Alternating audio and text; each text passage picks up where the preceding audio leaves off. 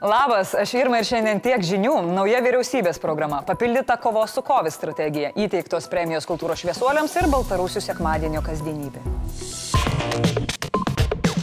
Šiandien buvo paskelbta būsimosios vyriausybės 12 skyrių ir net 123 lapų programa. Joje numatoma, kaip turėtų kisti šalis prie valstybės šturvalo stojus kapitoniai Ingridai Šimonytei ir ko. Tikiuosi, kad e, vyriausybės programa susilauks susidomėjimo ne mažesnio negu susilaukė koalicijos susitarimas. Naujoji vyriausybė įsipareigojo pasiekti esminį ekonominį proveržį, planuoja skatinti augantį darbo našumą ir tiesioginės užsienio investicijas, plėsti skaitmenizaciją, įgyvendinti valstybės atvirų duomenų politiką ir sukurti draugišką aplinką verslo plėtrai.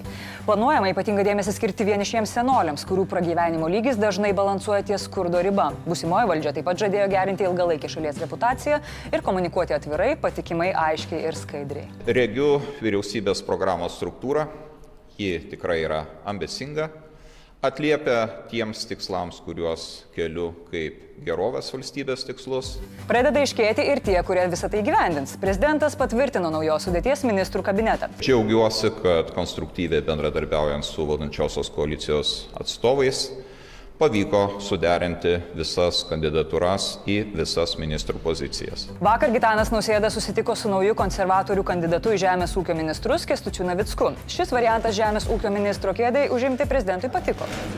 Nebejotinas jo privalumas yra jo patirtis dirbant aplinkos e, ministru.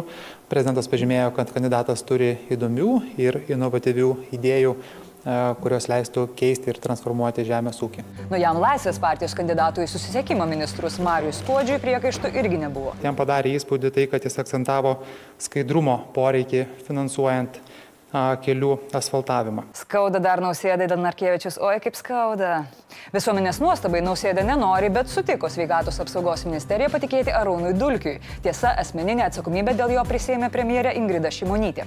Rezonansą sukėlusios kandidatas į teisingumo ministrės Evelinos Dobrovolskos kompetencijomis prezidentas nesuabejojo, o štai kandidatas į energetikos ministrus Dainius Kreivys raštiškai pasižadėjo daugiau interesų nepainioti. Wow, koks originalus sprendimas, kolegos, reikėjo ir Jarikų liepti pasirašyti prieš skiriant. Beje, čia kaip rašiškai pasižadėti mokytojai, kad nerūkysi už kampo. O karantino vajus tęsiasi toliau. Vyriausybė šiandien pratęsė karantiną iki naujųjų metų bei priėmė dar šiek tiek karantino sugriežtinimų, kurie įsigalios jau nuo trečiadienio. Laikinasis ministrų kabinetas rekomenduoja palikti gyvenamąją vietą tik vykstant į darbą, prekybos vietą dėl sveikatos priežiūros ir kitų paslaugų. Kitų paslaugų čia gali būti bet kas. Uždrausta viešose ir privačiose erdvėse rengti asmeninės šventes, jei juose dalyvauja daugiau nei dvi šeimos ar namūkiai. Juose būtų leidžiama ne daugiau nei dešimt asmenų. Taip pat uždrausta nuomoti patalpas privatiems renginiams ir kitoms šventėms. Originalus sprendimas priimtas dėl parduotuvių, prekybos centrų ir kitų prekybos vietų automobilių stovėjimo aikštelių. Juose bus leidžiama parkuotis tik kas penktoje vietoje. Pradinis ugdymas ir toliau vyks kontaktiniu būdu, tačiau juo naudotis rekomenduojama tik vaikams, kurių tėvai negali dirbti iš namų. Vyresnėliai ir toliau mokysis mišrių būdų. Įdomi naujiena dar ir ta, jog sekmadienį, pabrėžiu sekmadienį, nuotoliniu būdu vykęs susitikimas dėl COVID situacijos Lietuvoje tarp ekspertų ir prezidento nesulaukė dviejų garbingų svečių - Aurelijaus Verygos ir Sauliaus Skvernelio. Paklaustas, kodėl neprisijungė prie susitikimo, laikinasis premjeras atsakė štai šitaip.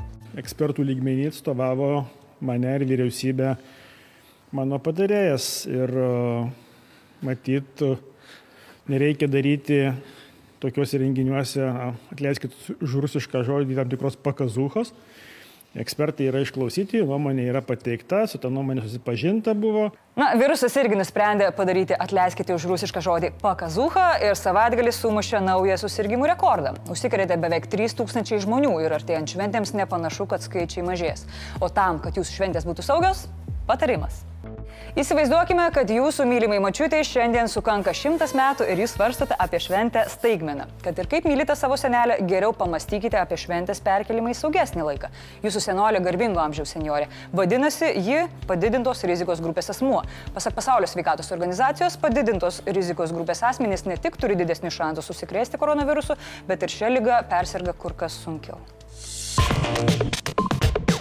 Paaiškėjo 12 talentų, kurie kitą metą pretenduos gauti Lietuvos nacionalinės kultūros ir meno premijas.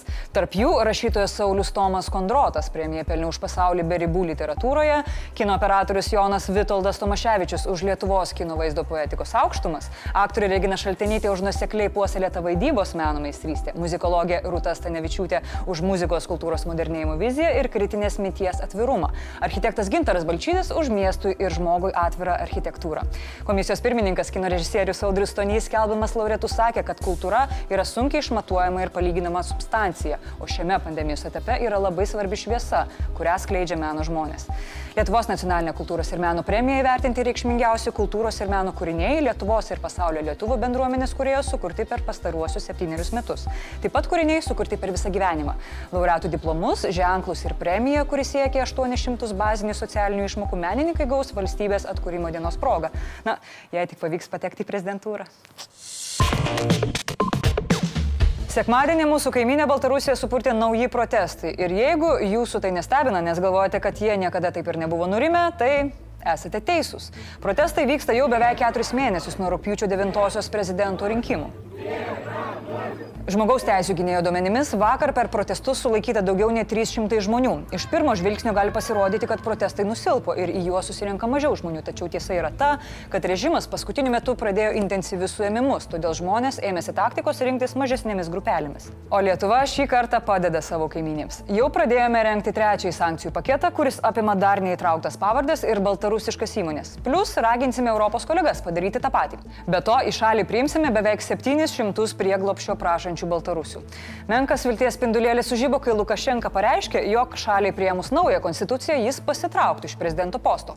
Beje, labai panašu, kad konstitucijos pataisas pasiūlė ne kas kitas, o Rusijos užsienio reikalų ministras Sergejus Lavrovas, žinoma, Putino prašymu.